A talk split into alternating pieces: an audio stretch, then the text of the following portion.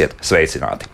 Iekšķīgu slimību ārstēšana tikai ar pieskārienu palīdzību. Izklausās teju neticami, bet tieši ar to nodarbojas osteopāti. Savukārt locītājus savadīs kārtībā manuālie terapeiti. Kas kopīgs abām šīm, varētu teikt, medicīnas profesijām, kas atšķirīgs un daudz ko citu, izrunāsim šīs stundas laikā. Man studijas viesti osteopāte Anna Polna. Sveicināti!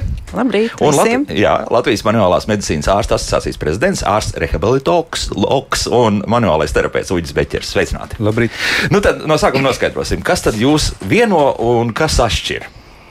Nu, vieno tas, ka mēs uh, abi abas profesijas darbojamies ar rokām. Tās ir manuālā darbība. Uh, ja mēs runājam no osteopātijas viedokļa, tad tā ir darbība, kad palpatorās iemaņas mums bija jāapgūst trīs gadu garumā. Ja? Tā kā tas ir pietiekoši komplicēts laika posms, kurā tev ir jāattīst tās iemaņas. Tas no, tā nav vienkārši masāža vai tā nav kaut kādas tiešas korekcijas vai neaudos, bet tas ir tāds uzmanīgi, lai tu vari tālāk darboties ar šiem pieskārieniem noteiktā audu dziļumā attiecībā no tā, ko tu vēlēsies noteikt un kādas ir izmaiņas. Un, un no tā arī izriet to, ka tu izvēlies to, ar ko ir jāstrādā, vai ne? Un tad līdz ar to tā ir iespēja gan diagnosticēt, gan ārstēt. Ja? Tā tad būtībā tās rokas ir manas acis, manas ausis, tā, tas ir veids, kā osteopāts komunicē ar to ķermeni.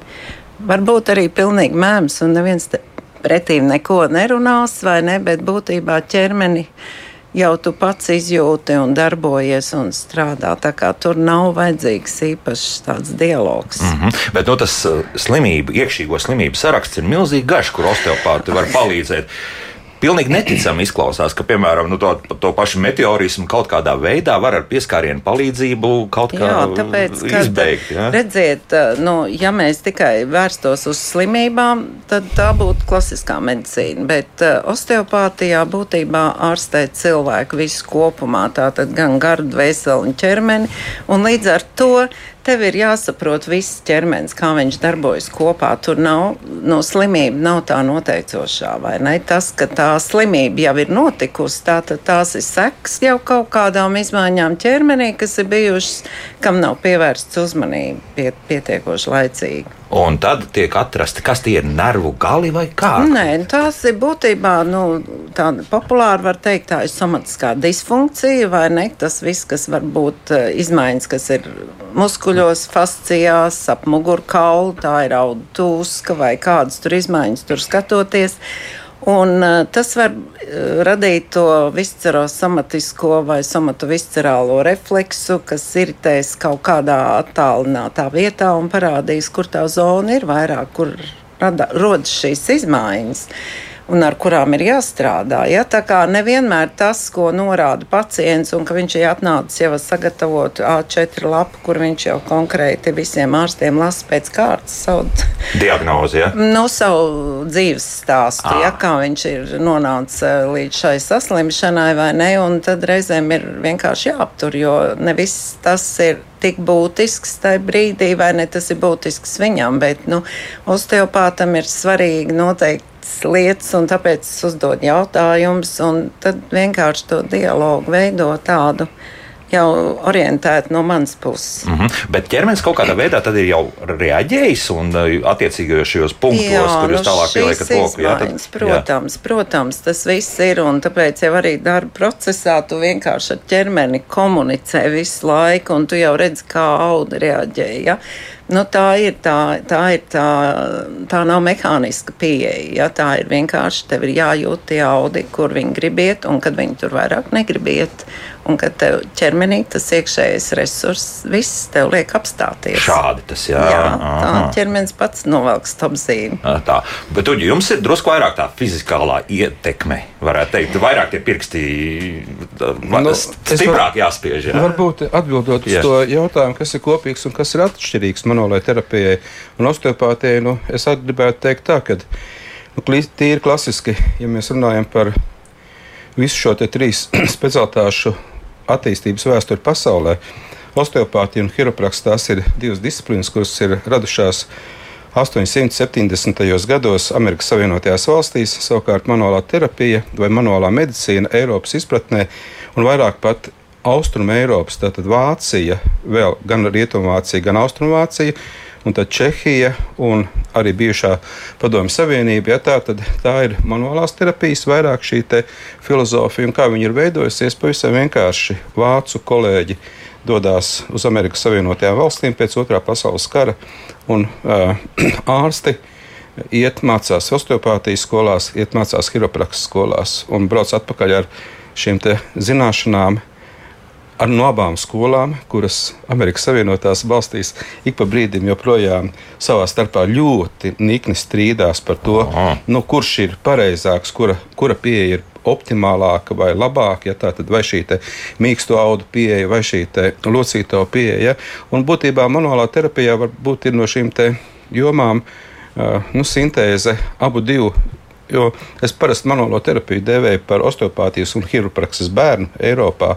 Un, uh, varbūt atmetot dažas uh, nu, tādas diskutablākas lietas, ja, kuras mēs, nu, kā jau rietumu medicīnā, nespējam mums rietumu medicīnā vienmēr visu vajag ne tikai sataustīt vai, vai, vai parādīt, vai tu redzi un tu piekrīti, bet mums vēl vajag arī to reģistrēt. Ja? Tā tad kaut kā nu, pierādīt ar neatkarīgām lietām. Un, diemžēl eh, nu, pasaulē vēl joprojām nav nu, izgudrots unikālāks instruments par cilvēka nu, šo palpatoro sajūtu, pirkstu sajūtu, uztveri. Ja?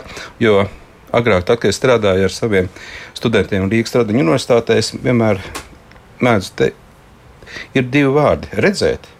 Nu, mēs visi redz, mēs visi redzam, bet jautājums, ko mēs skatoties un redzot, ieraugām.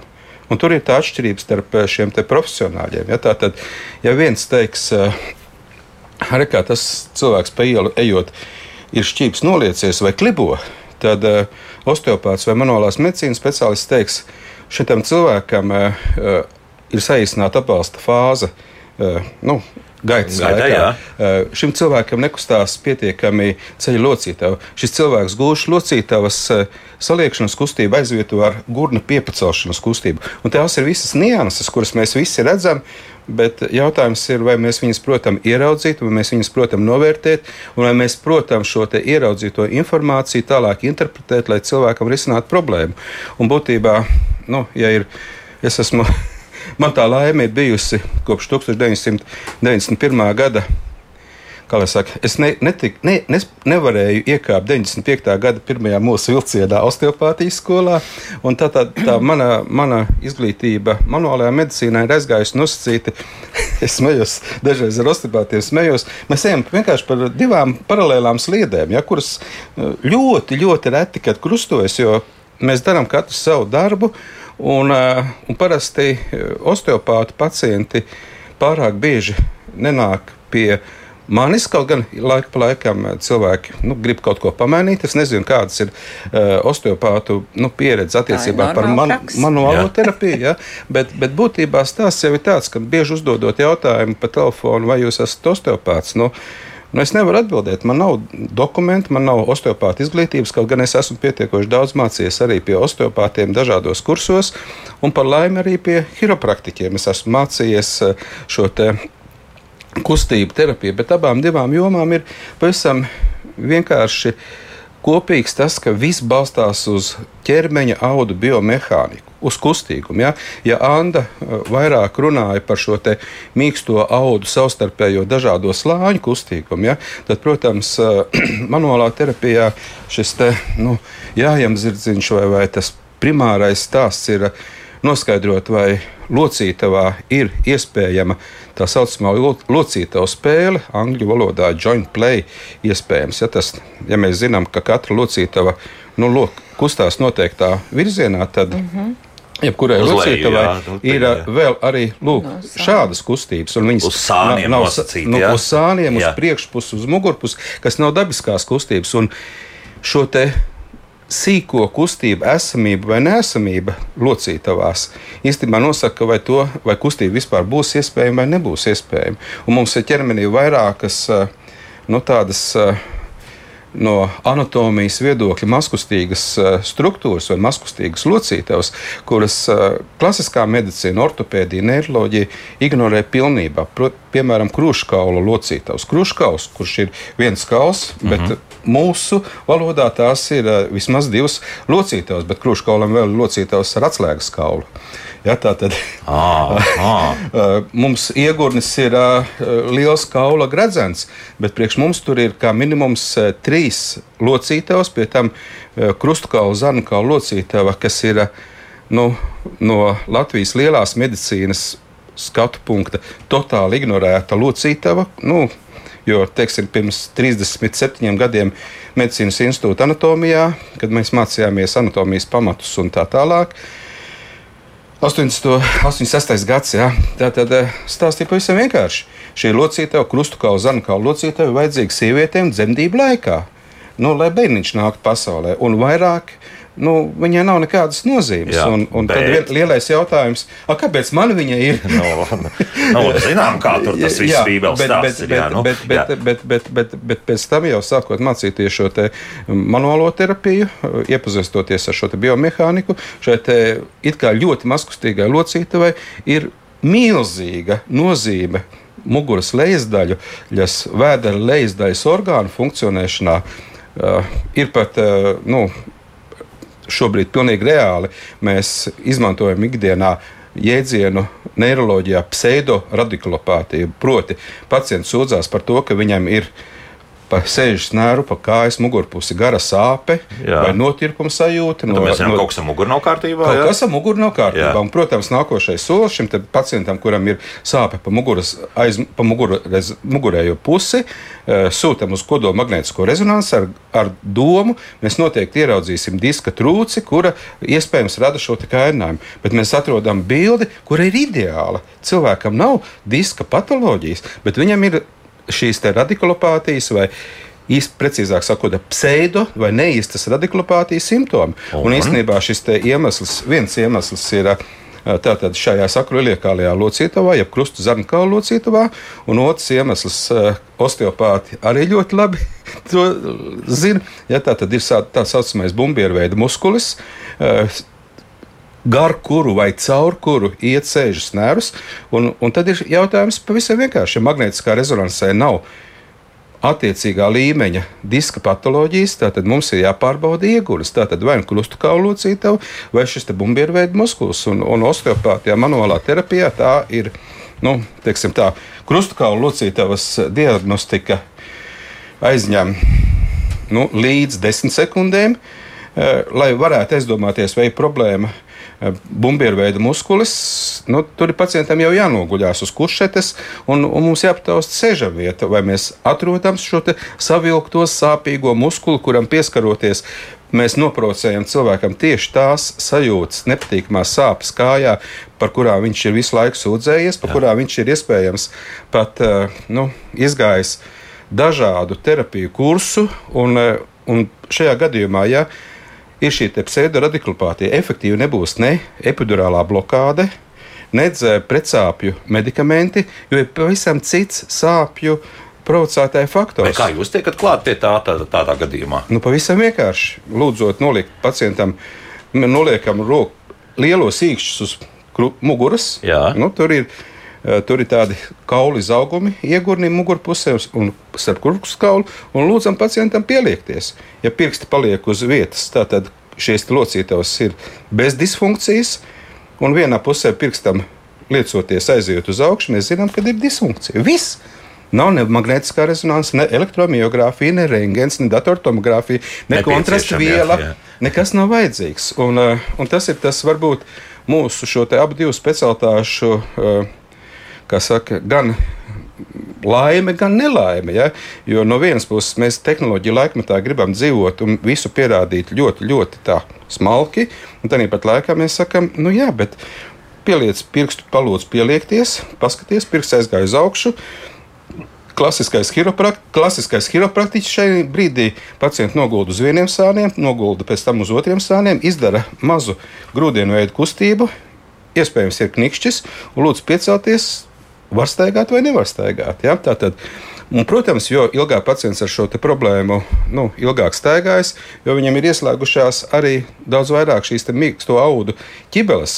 Nu, mēs varbūt šo mehānisko kaula bloku atbrīvojam, bet tie muskuļi apkārt aizsardzības mehānisms. Ja? Jā, Tagad. viņi joprojām ir palikuši savilkušies. Tāpēc, tāpēc ir tas stāsts par to, ka arī manuālā terapijā mēs noteikti neaprobežamies tikai ar krakšķināšanu. Mēs, jā, mēs strādājam uz šīm mazajām locītavām un taisam šos knikšķus mugurā, bet pēc tam jau, jau noteikti darbs gan ar mīkstajiem audiem, tad, tad ar šīm osteopātijas tehnikām, un nenoliedzami pēc tam ir pacientam pašam jākustās, lai šī ķibele atkal nu, neatkārtojas no jauna. Mm. Bet te viens atkal aspekts, ko es lasu šobrīd mājaslapā. Cilvēki neskapēc skeptiski. Ja? Pirmais mums komentārs vispār bija, ka mēs tagad ap pseidozinātni nodarbojamies, un otrs, lūk, piemēram, Alberts jau pat lūk, raksta šādi internetā pieejamā informācija saka, ka osteopātijas efektivitāte randomizētu grupu pētījumos nesot pierādīta. Vai var palūgt kādu komentāru par šo? Nu, tas, kas notiek Latvijā, vai ne? Mēs strādājam jau nu, būtībā, tad, kad mēs beidzam šīs mācības, ja mums ir jāizstāv diplomu darbs. Ja, tā tad tur ir visi tie pētījumi balstīti un empiriski visi tur ir līdz, nu, izv izstrādāti un pierādīti. Ja? Ļoti lielā, plašā telpā nu, nav tik daudz, vai ne? Jo tā zinātniskā iespēja, lai tu pierādītu visu to, ir pietiekoši jau ir, lai ar to var strādāt. Bet, protams, tas laika periodā viss attīstīsies, jo mums jau nav tādas iespējas. Es zinu, ka Krievijā kolēģi, kas strādāja, vai ne, viņiem bija ļoti brīvi pieejami visi šie aparatūras un viss, lai tu diagnosticētu un visu to pierādītu, kas ir arī viņiem, vai ne? Arī Francija un visas tās valsts ir strādājušas, un arī Amerikā tie strādā. Un Amerikā, ja tu pabeidz osteopātu uh, studijas, tu vari strādāt pa general practitioner, tātad tu vari būt kā ģimenes ārsts. Jā, tu saproti, tu, tu jau esi ar ārsta diplomu, bet nu, tas viss notiek tādā, saprotiet, to balansēt un pielīdzināt Latvijai ir ļoti grūti grūti, jo nu, mums bija vajadzīgs vispirms savs ārsta pamatspecialitātes diploms, lai mēs varētu tālāk mācīties to osteopātiju. Ja? Un būtībā ir svarīgi saprast to, ka doktors Uģis runā par to, kā ir tieši locītāji. Ja? Bet ļoti tipiskas ir šīs situācijas, kad ir jāizvērtē arī, kas notiek no vēdera dobuma tajā apvidū. Jā, tas L5, S1 zona, tā ir tā zona, kur ir bieži apensīt rēts. Tāpat tās tur ir jāizvērtē viss, kas ir noticis ar krusta kaulu pašu, kādas ir šīs izmaiņas krusta kaulā. Jā, jo tur katrs skriemels, kad viņš ir saudzis un kāda tad ir bijusi tā problēma viņam saugot, ja tas notiek 20, 25 gadu vecumā. Visas traumas, viss viņš atstāja katrs savu ietekmi, un viņam savstarpēji jau iet nobīdi, pirms viņš ir kārtīgi saudzis. Un ir svarīgi arī šo aspektu līdzsvarot, vai ne? Jo tas cietais krusta kauls, un it sevišķi, ja tās ir bijušas tūpļa guļa dzemdības, ja tas tā, tā tad iedomājieties no dzimšanas, jūs ar viņu dzīvojat un ar to svina astes kaulu to sajūtu augat.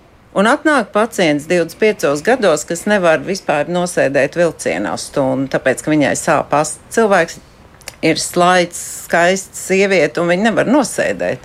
Un beigās, tā, kad tu skaties, vai ne, kas tur ir un kā, un prasa, kā, kur var tādu sajūtu dabūt, kad viņš ir tā kā svina bumba. Ai, es tā piedzimu tūpļu guļā. Un ir visi, visi līdz tam viņu ir skatījuši, un visu viņi nonāk 25 gados mediķu bērns, vai ne? Tā tad, nu, kur ir base of Vecāk evidence. Mediķi, jā, Vecāki mediķi, jā, un iet viss krustšķērs pa visiem mediķiem. Un tas man būtībā bija prakses sākumā tajos 2000 gados, vai ne? Kad man tas tā drusciņi, ups, vai ne? Tā tad ir vienkārši lieta, tūpļa guļa, vai ne? Tu esi dzimis un ar to tu dzīvo. Un tās izmaiņas, kas tur notiek, vai ne? Iegurnī, krusta kaulā, viņas ietekmē visu, gan uz leju, gan uz augšu. Tā tad pa mugurkaulu asi galvu, ja?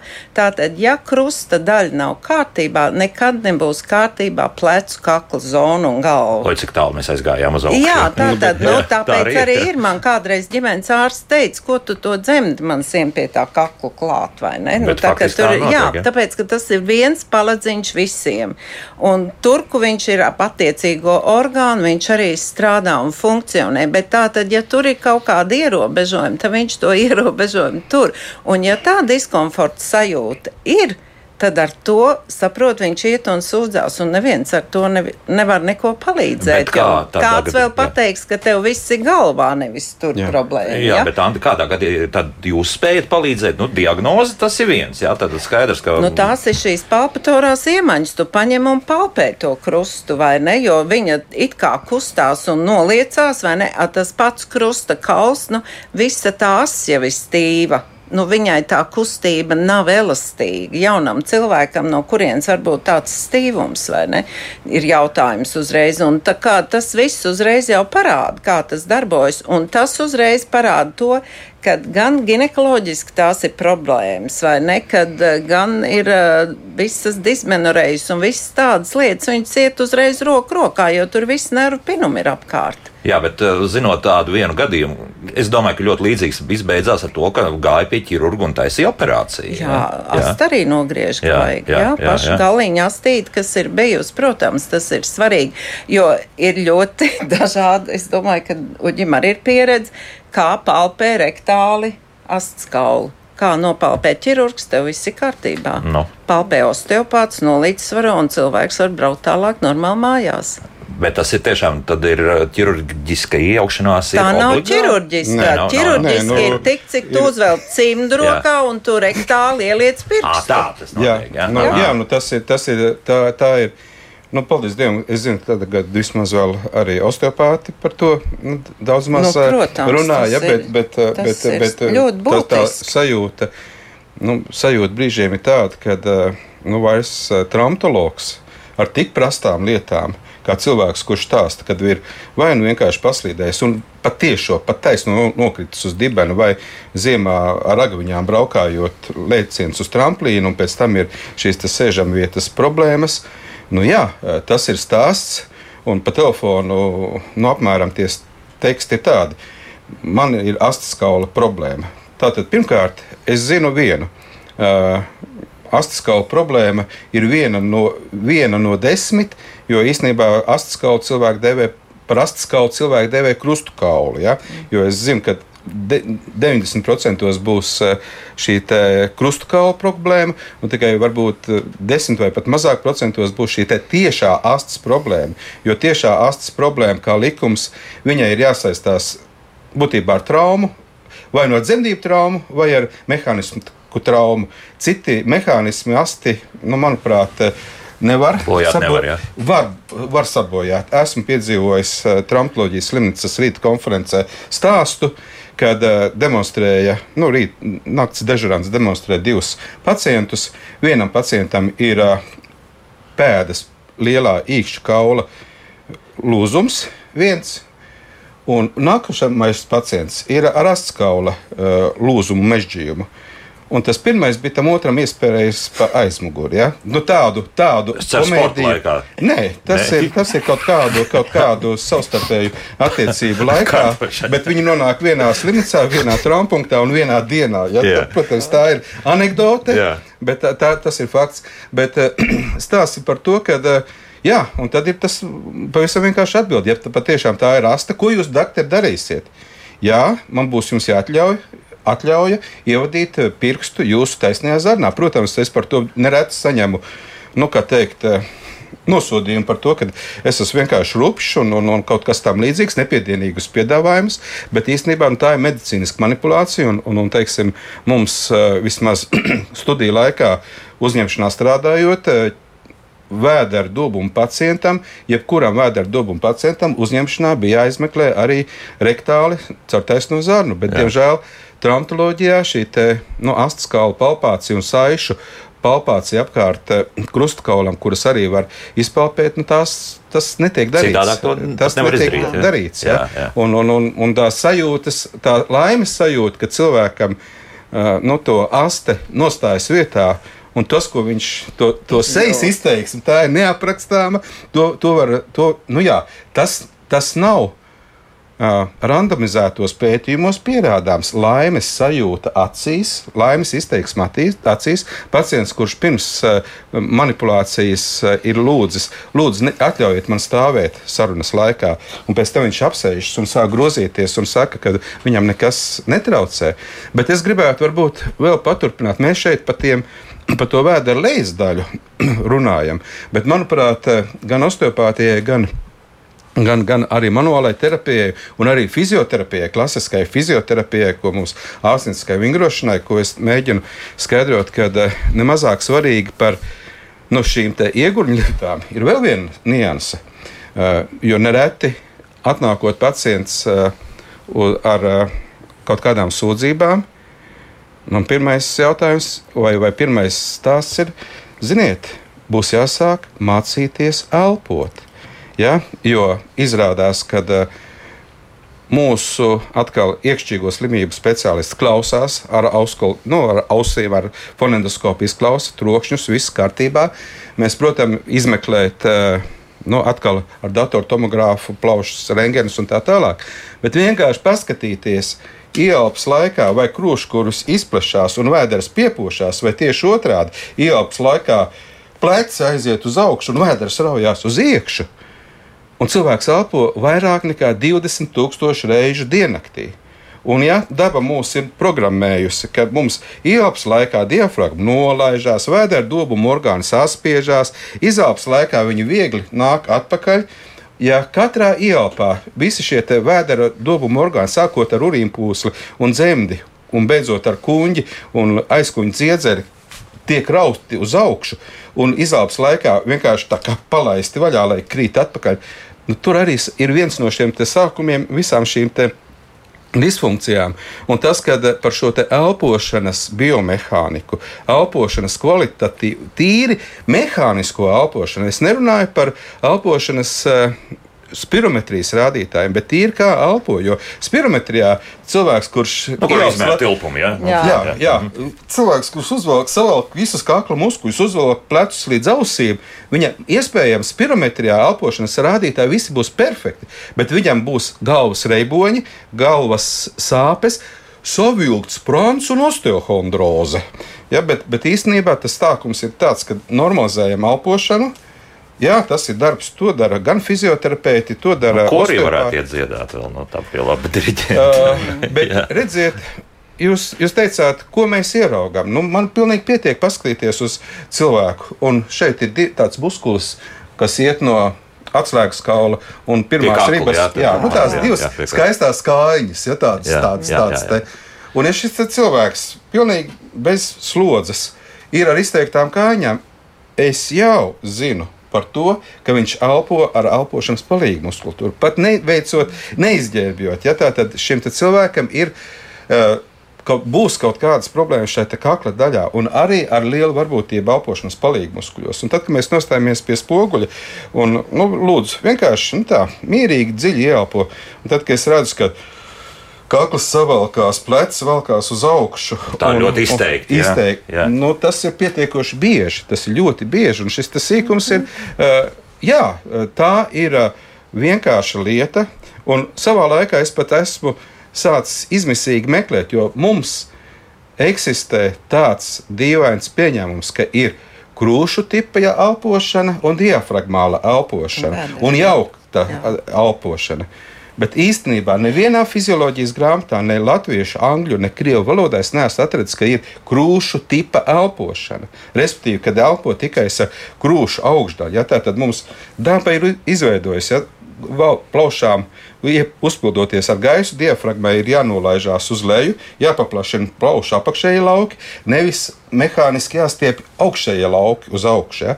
Un tas ir viens no tiem sīkumiem, kas uh, kas eksistē un tam nepievērš uzmanību. Un, un būtībā, jā, nu, fizioterapijā, osteopātijā un, un, un manuālā terapijā tas viens no sākumiem, jo, es, kā es teicu, bez elpošanas mēs nevaram izturēt vairāk par piecām minūtēm. Jā, bet tad jūs nosakāt diagnozi pēc būtības, nu, ka, ka to vajadzētu labot, jā, un tad jūs spējat arī tad palīdzēt, vai nu, tad tomēr ir cits speciālists, piemēram, fizioterapeits, kaut vai ko tādu. Nu, tas ir, tu redzi to, ko tu zini. Un to, ko tu nezini, to tu neredzi. Jā. Ja? Un tāpēc nevar pārmest nevienam to, ko mēs zinām un ko mēs redzam. Ja? Tātad to, ko mēs redzam un zinām, mēs ar to arī strādājam. Un līdz ar to ja tu gribi skaisti dziedāt, tu nevari dziedāt tikai ar vienu diafragmu, te, jo mums viņas kopā ir astoņas. Un tad saprot, tās trīs galvenās, nu viņām visām ir sinhroni, jānolaižas un jāpaceļas. Un tā ir ieguņa diafragma, un ļoti daudz ir dziedātāji, kas ir sevišķi ķēzara grieziena rēts un viss. Nu, nevelk vairs trešā diafragma. Tu nevari dabūt to diapazonu tajā operā, un tu, viss tas nestrādā un saproti, un tu vari krist izmisumā un darboties, vai ne?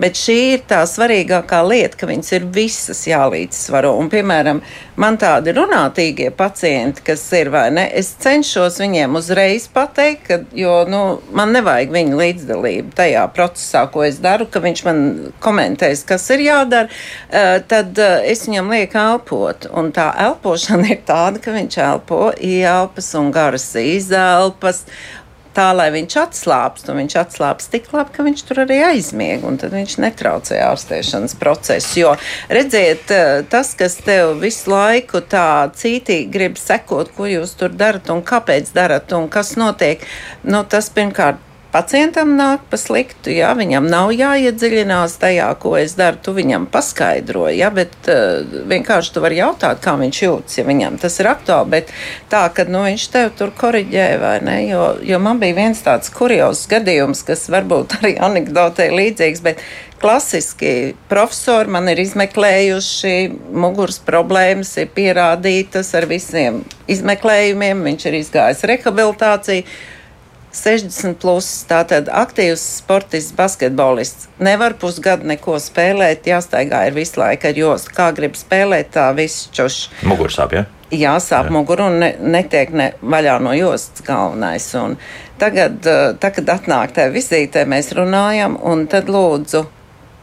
Es jau skatos to sasprindzinājumu. Man jau tas, ka viņš ir mugurā un es to anamnēzi esmu paņēmusi, es redzu, ka tā ir apelsīna rēta un ka viņš man pasaka, ko tu man ar to vēderu grābsties. Man, tā, no, mugur, man ir pierādīts, ka man ir muguras problēma. Un viņš bija tais, tādā šokā tajā pirmajā vizītē, ka piecēlās, mums darbs bija izdarīts, samaksā pa vizīti, un viņš tai apjukumā aiziet. Un es jau neredzēju, kas tur viņam bija uzlikts, noņemts vai kā, bet uz to otro vizīti atnāca, jo viņa draugs bija pateicis, tev ir jāklaus tai doktorei, ja tu gribi būt vesels. Un, protams, viņš atnāk uz vizīti un priecīgs stāst. Ziniet, es tikai mašīnā braucot, sapratu, ka es neesmu to jostu uzlicis, un viņš to jostu uz, neuzlika līdz otrai vizītei. Un otrās vizītes laikā šī situācija, kad ir muguras sāpes, mm es strādāju ar viņa augšu stilu, kas septiņu gadu vecumā bija vaļējais lūzums. Viņam bija futbola vārtu uzkrituši uz kājas. Lūdzu, tā tad šī ir vēl viena lieta, kas ir osteopātijā, tāpēc ir tā ir ka, kaula arhitektonija jāatjauno, jo kauls šķiedras katram kaulam attiecīgi no viņa funkcijas iet savā secībā, gaitā, vai viņš krustojas tā vai šitā. Ja ir vaļējais lūzums, tur viss ir pārauts, ja, tā tad ir līdzrētai un no apakšas līdzrētai. Un tā, ka tu strādā to un līdzsvaro, jo tur piestiprinās gan fascijas, gan muskuļi, muskuļu šķiedrs, un tā tad katra daļa tā, kas ir augšējā, velk savādāk muskuli, ir apakšējā, velk savādāk to muskuli sasprindzina.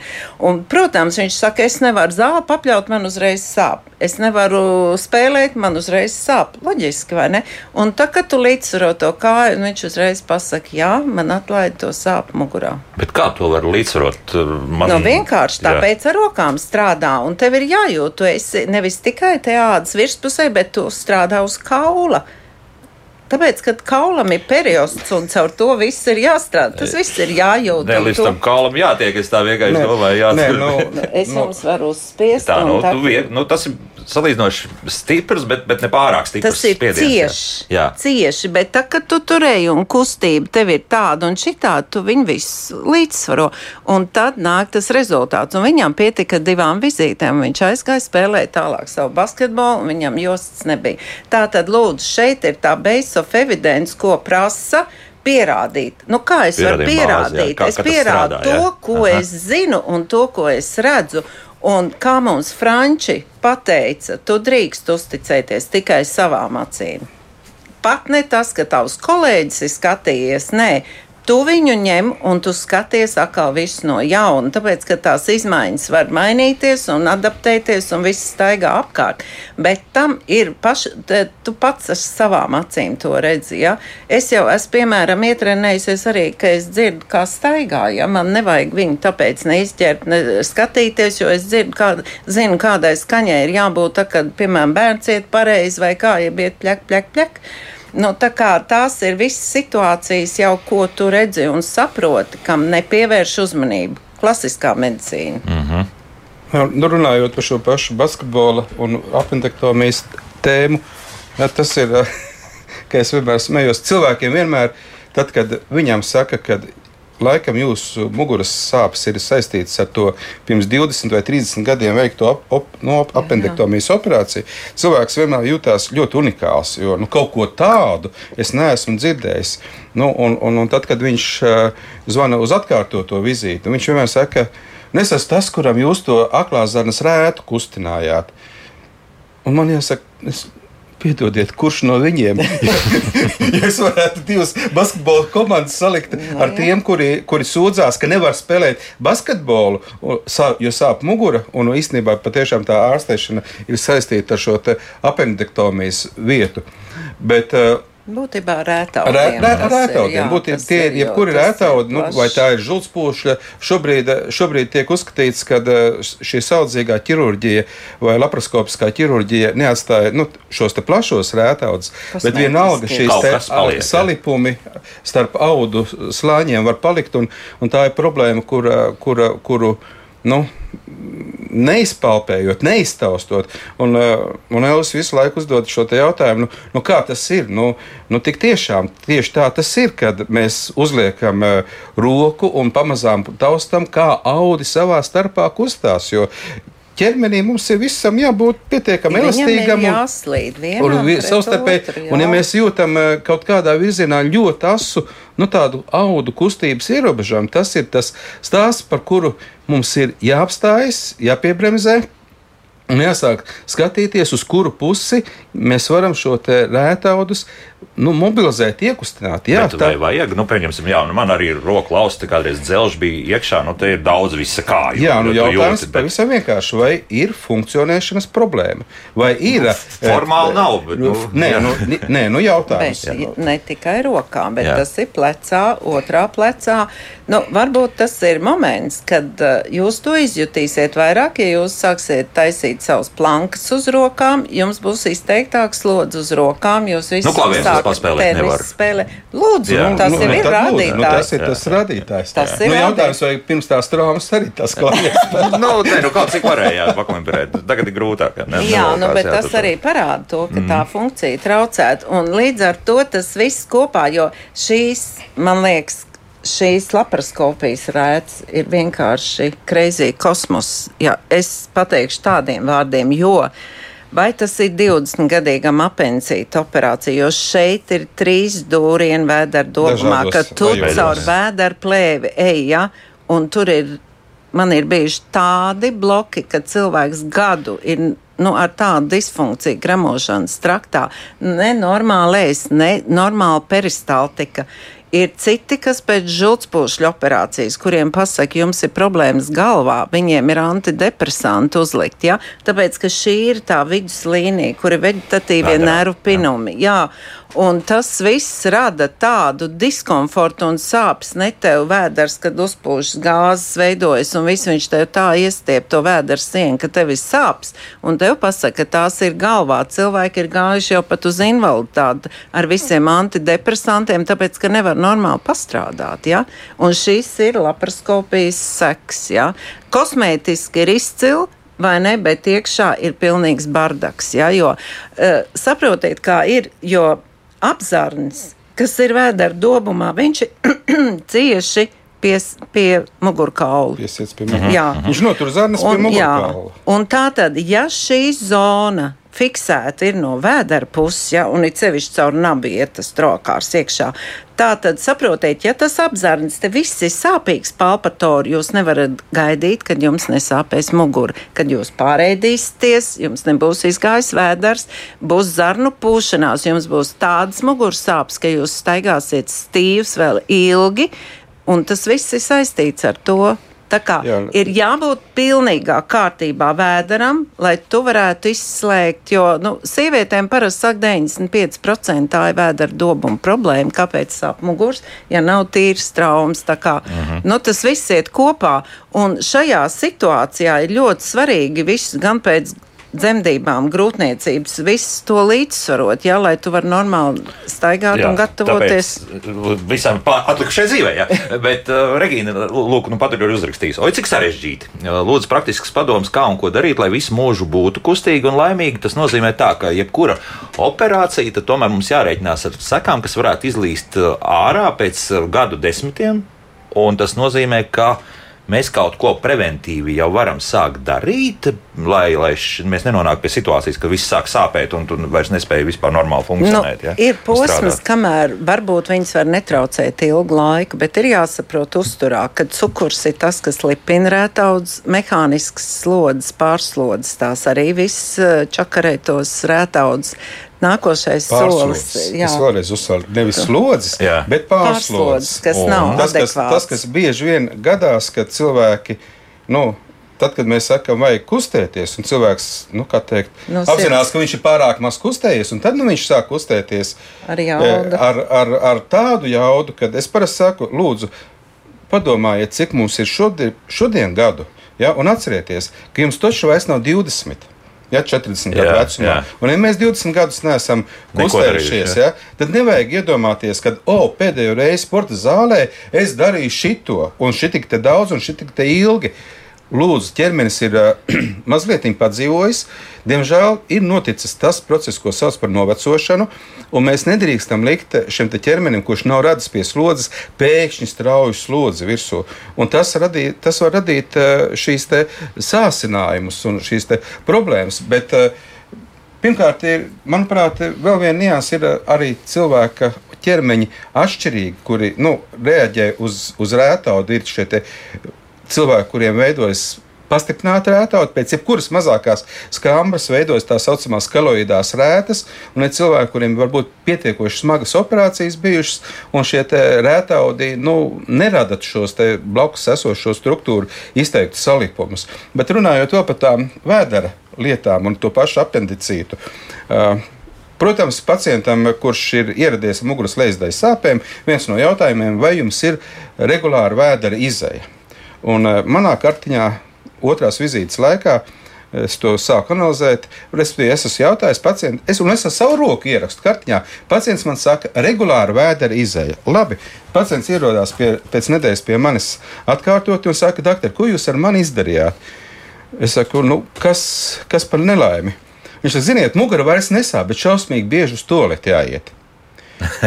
tad, tad, uh, tā, nu, tad jau mēs nonākam pie tā, ka viss galvā ir. Nu, nē, ja? šo, nē nu, mugura nesāp, bet šausmīgi bieži uz to lietu jāiet. Es saku, cik bieži ir jāiet uz to lietu? Nu, kā katru dienu. Un es skatos savu pierakstu, iepriekšējā reizē es rakstu. Es pacientam jautāju, vai vēders iziet regulāri? Jā, regulāri. Un kā jūs man teicāt pagājušajā nedēļā, ka jums iziet vēders regulāri? Nu jā, parasti svētdienās un ceturtdienās. pēc oh. pēc apendektomijas rētas mobilizācijas normalizējas vēdera izēja, zarnu iztukšošanās un muguru vairs nespiež sakrājušās nu, vēdera masas, ja, un, jā, jā. Un, un cilvēkam muguru vairs nesāp. Bet, Bet cilvēks, kurš saka, ka viņam, viņam ir regulāri vēdera, divreiz nedēļā vēdera, un tieši tāpēc es to atkal stāstu, kad jautājums regulāri, vai es nevaru, vai man stai, ātri ejot, sāk kaut kas sāpēt. Vienmēr es precizēju, tātad vai nu laikā, vai nu kilometros, eh, precizējam, jo jēdziens daudz vai maz, ilgi vai Jā. ātri, nu tas ir tieši, tieši arī laikas ziņā vienmēr ir šis jautājums, vai tas ir reizi dienā, precīzi, vai tas ir reizi stundā, precīzi, vai tas ir uh, piecas reizes dienā. Tas vienmēr mums, kā ārstiem, ir svarīgi saprast, mm. kad ir problēma, kad sāpes parādās vai kaut kas tamlīdzīgs. Jo no līdzsvara es gribēju papildināt, no tā līdzsvara ļoti labi reizēm izsit tas, ka tu esi ilgus gadus jūties labi, bet ir kaut kādas lielas smagas traumas. Un tās ir vai nu auto avārijas, vai kritieni ar slēpēm, dēļiem, viss kaut kas. Un tas ir tas, kas izsit to līdzsvaru ārā, kur tas ķermenis līdz tam ir balansējis. Un tad ir, tā, tad ir ļoti plaša spektra tā disfunkcija. Tad es saprotu, jā. Tad es saprotu, ja pieņemsim, kāds vēlas piedalīties maratonā aiz polārā loka, kur obligāti prasība ir izgriezt apendicītu tas ir diezgan ne, nepatīkams pasākums un nevajadzīgs. Jā, nu, teiksim, nu, to, to es nezināju, ka vajag izgriezt. Jā, viņiem obligāti viņiem jāprāt, jā, bet, bet stāsts ir par, pavisam vienkārši. Eh, tad, kad man uzdod pacienti, vai cik bieži jānāk ir uz manuālo terapiju atkārtot, nu nav jānāk, ja nav, nav dis, problēma. Es strādāju.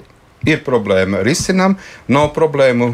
Es, mēs esam kaut kādā šeit kompensācijas stadijā nokļuvuši, un ja cilvēks nevar formulēt problēmu, uh, nav jānāk daudz, daudz reižu. Bet, eh, kad ir jēga nākt, eh, profilaktiski, tad, kad nekas nesāp, tad brīdī, kad tu zini, ka tu savu rumpi pakļausi ekstremālām slodzēm. Uh mhm. -huh. Proti, Latvijas cilvēks, kurš reizi 51 eh, nedēļu gadā sēž savā birojā un 52. nedēļā brauc slēpot.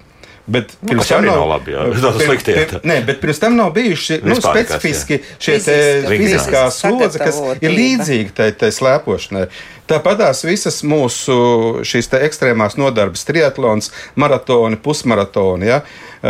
Protams, cilvēks, kurš ir ļoti regulāri trenējies, tā ir viena lieta. Ja viņš grib nu, būt ļoti pārliecināts par rezultātu un lai nu, to treniņos sakrātais vai kaut kur kaut kas neiztaipītais muskulis nepieviļ, nu varbūt tad ir jēga atnākt pie mums, nu, teiksim, sestdienas mači, nu tad eh, ceturtdien, piekdien tīri funkcionāli pārbaudām visu ķermeņa nu, šo muskuļu spēku, kustīgumu, muskuļu garumu un tā tālāk. Mm -hmm. Bet citādi, nu, es saku tā, eh, man par to pārmet, ka es neiesaku, nu, nāciet trīs reizes gadā profilaktiski. Nu, ir pacienti, kuri atkārtot vizīti ierodās pēc -huh. 14 vai 16 gadiem. Jā, Jā. bet mums ir palikuši akurāt divas minūtes, un uh, vajadzētu drusku arī palasīt to, kas mājaslapā tiek jautāts. Un uh, bērnībā konstatēta skolioze, kas nav ārstēta, vai šādam cilvēkam 40 plus gados vēl kaut kas ir līdzams? Nu, viss ir jautājums, uh, ka, kas viņam traucē. Ja viņš ļoti labi vingro, uztur, uztur normāli savu muskuļu korsetu, viņš var visas slodzes turēt. To nu, fiziski jau tu viņu nevar vairs iztaisnot, jo viss ķermenis, visas sistēmas jau ir viņam adaptējušās tajā stāvoklī. Bet svarīgākais ir tas, kā cilvēks jūtas. Ja? Ja viņš eh, ir ierobežots, viņam ir sāpes un viss tas, nu, protams, ka tad ir jāstrādā. Un, un tur ir ļoti liela nozīme vingrošanai. Ja? Tā, tas, tā ir neatņemama ikdienas sastāvdaļa. Bet vingrošana, jā. Anna savukārt vai regulāras igorņa sāpes varbūt tāpēc, ka cilvēks dzimis divus mēnešus priekšlaiks un turklāt mazuļu vecumā nav rāpojis, bet uzreiz cēlies kājās. Tas var atstāt iespēju. Jā, jā. Protams. tas viss var atstāt iespēju. Jā. Mm, kāpēc visbiežāk cilvēks sev traumē? Kādas sportiskās aktivitātes ir traumatiskākās? Mēs nonācām pie secinājuma, ka pareizāk sakot ir eh, tas, ka mēs Tad netrenējamies pietiekami daudz. Kas jā. ir viņa galvā? Jā. Kāpēc pa, viņš izvēlas to sporta veidu? Jā, kāpēc process, viņam jā. tas adrenalīns ir vajadzīgs tik agresīvā formā? Pēkšņi. Jā. Aina savukārt raksta, ka osteopāts teica, ka muguras sāpes saistīts ar bērnībā pārsiestu plaušu karsoni vienā plaušā, tāpēc, esot savilkt viena puse, bija grūti tam noticēt. Jā, protams, tāpēc, ka ir, ir trīs daivas, Un, ja starp tām daivām ir šīs spraugas augušas, vai ne, viņš ierobežo kustīgumu atkal tajā pašā krūškurvī, e, elpošanā ribu ekskursijas normāli nenorit, neizplešas, nesavelks, vai ne. Nu, tā kustība jau nav, vai ne? Un, ja tas nav tā, tad viņš pakāpeniski visu nosēdina. No nu jā. Un tu nevari fiziski strādāt. Jā, saks, jā, jā, jā, tā kā tas viss ietekmē viens otru, un tur nevar tā, ka pateikt, ja tev tā kāja bija satraumēta un to noliek malā, vai ne, tagad ir citi laiki, tagad ir citas sūdzības. Un tā pēda jau ir. Citi man atnāk pēc insulta un saka, ka vajag to darīt, un tagad doktors liek viņam staigāt daudz un tā. Un beigās es saku, nē, man vispirms tā tev kājās ved kārtībā, kur bija lūzums, trīs potīšu lūzums un nav kārtīgi sakārtots kustības nav izstrādātas līdz galam, pēdas locītava nefunkcionē. Ķirurgi man esot nepareizi salikuši pēdas locīt, pēdas kaulus visus un potīts, un līdz ar to viņam ir apavi jāņem viena izmēra lielāka, lai varētu nesāt. Un tad, kad līdzsvaru lūdzu visus šos kaulus, vai ne, mainās dzīve, un tad kurpes der tajā izmērā, kā derēja. Un arī šaurāks, jā. Jā, tā kā, nu tā ir šī nianse, ja, tā kā tu ķermenis pats parāda, kas tev ir, kas tev kliedz. Un, ja tev kustība nav tajos audos un nav elpošana visā ķermenī, nu, tad tas nav kārtībā. Nu, pēdējais jautājums, jā vai nē, vienkārši. Vai var ko darīt lietas labā, ja muguras sāpes ir ķēzara izraisītas? Jā, protams. Jā, var to darīt. es teikšu paldies, jo tiešām laika mums vairāk nav. Nopļāpājāmies varenija osteopāte Anna Polna un Latvijas manuālās medicīnas ārsta asociācijas prezidents, ārsts rehabilitologs un manuālais terapeits Uģis Beķers bija kopā ar mums. Paldies par sarunu. Nu tad jauku vasaru un tiekamies jau pēc mēneša. Atā!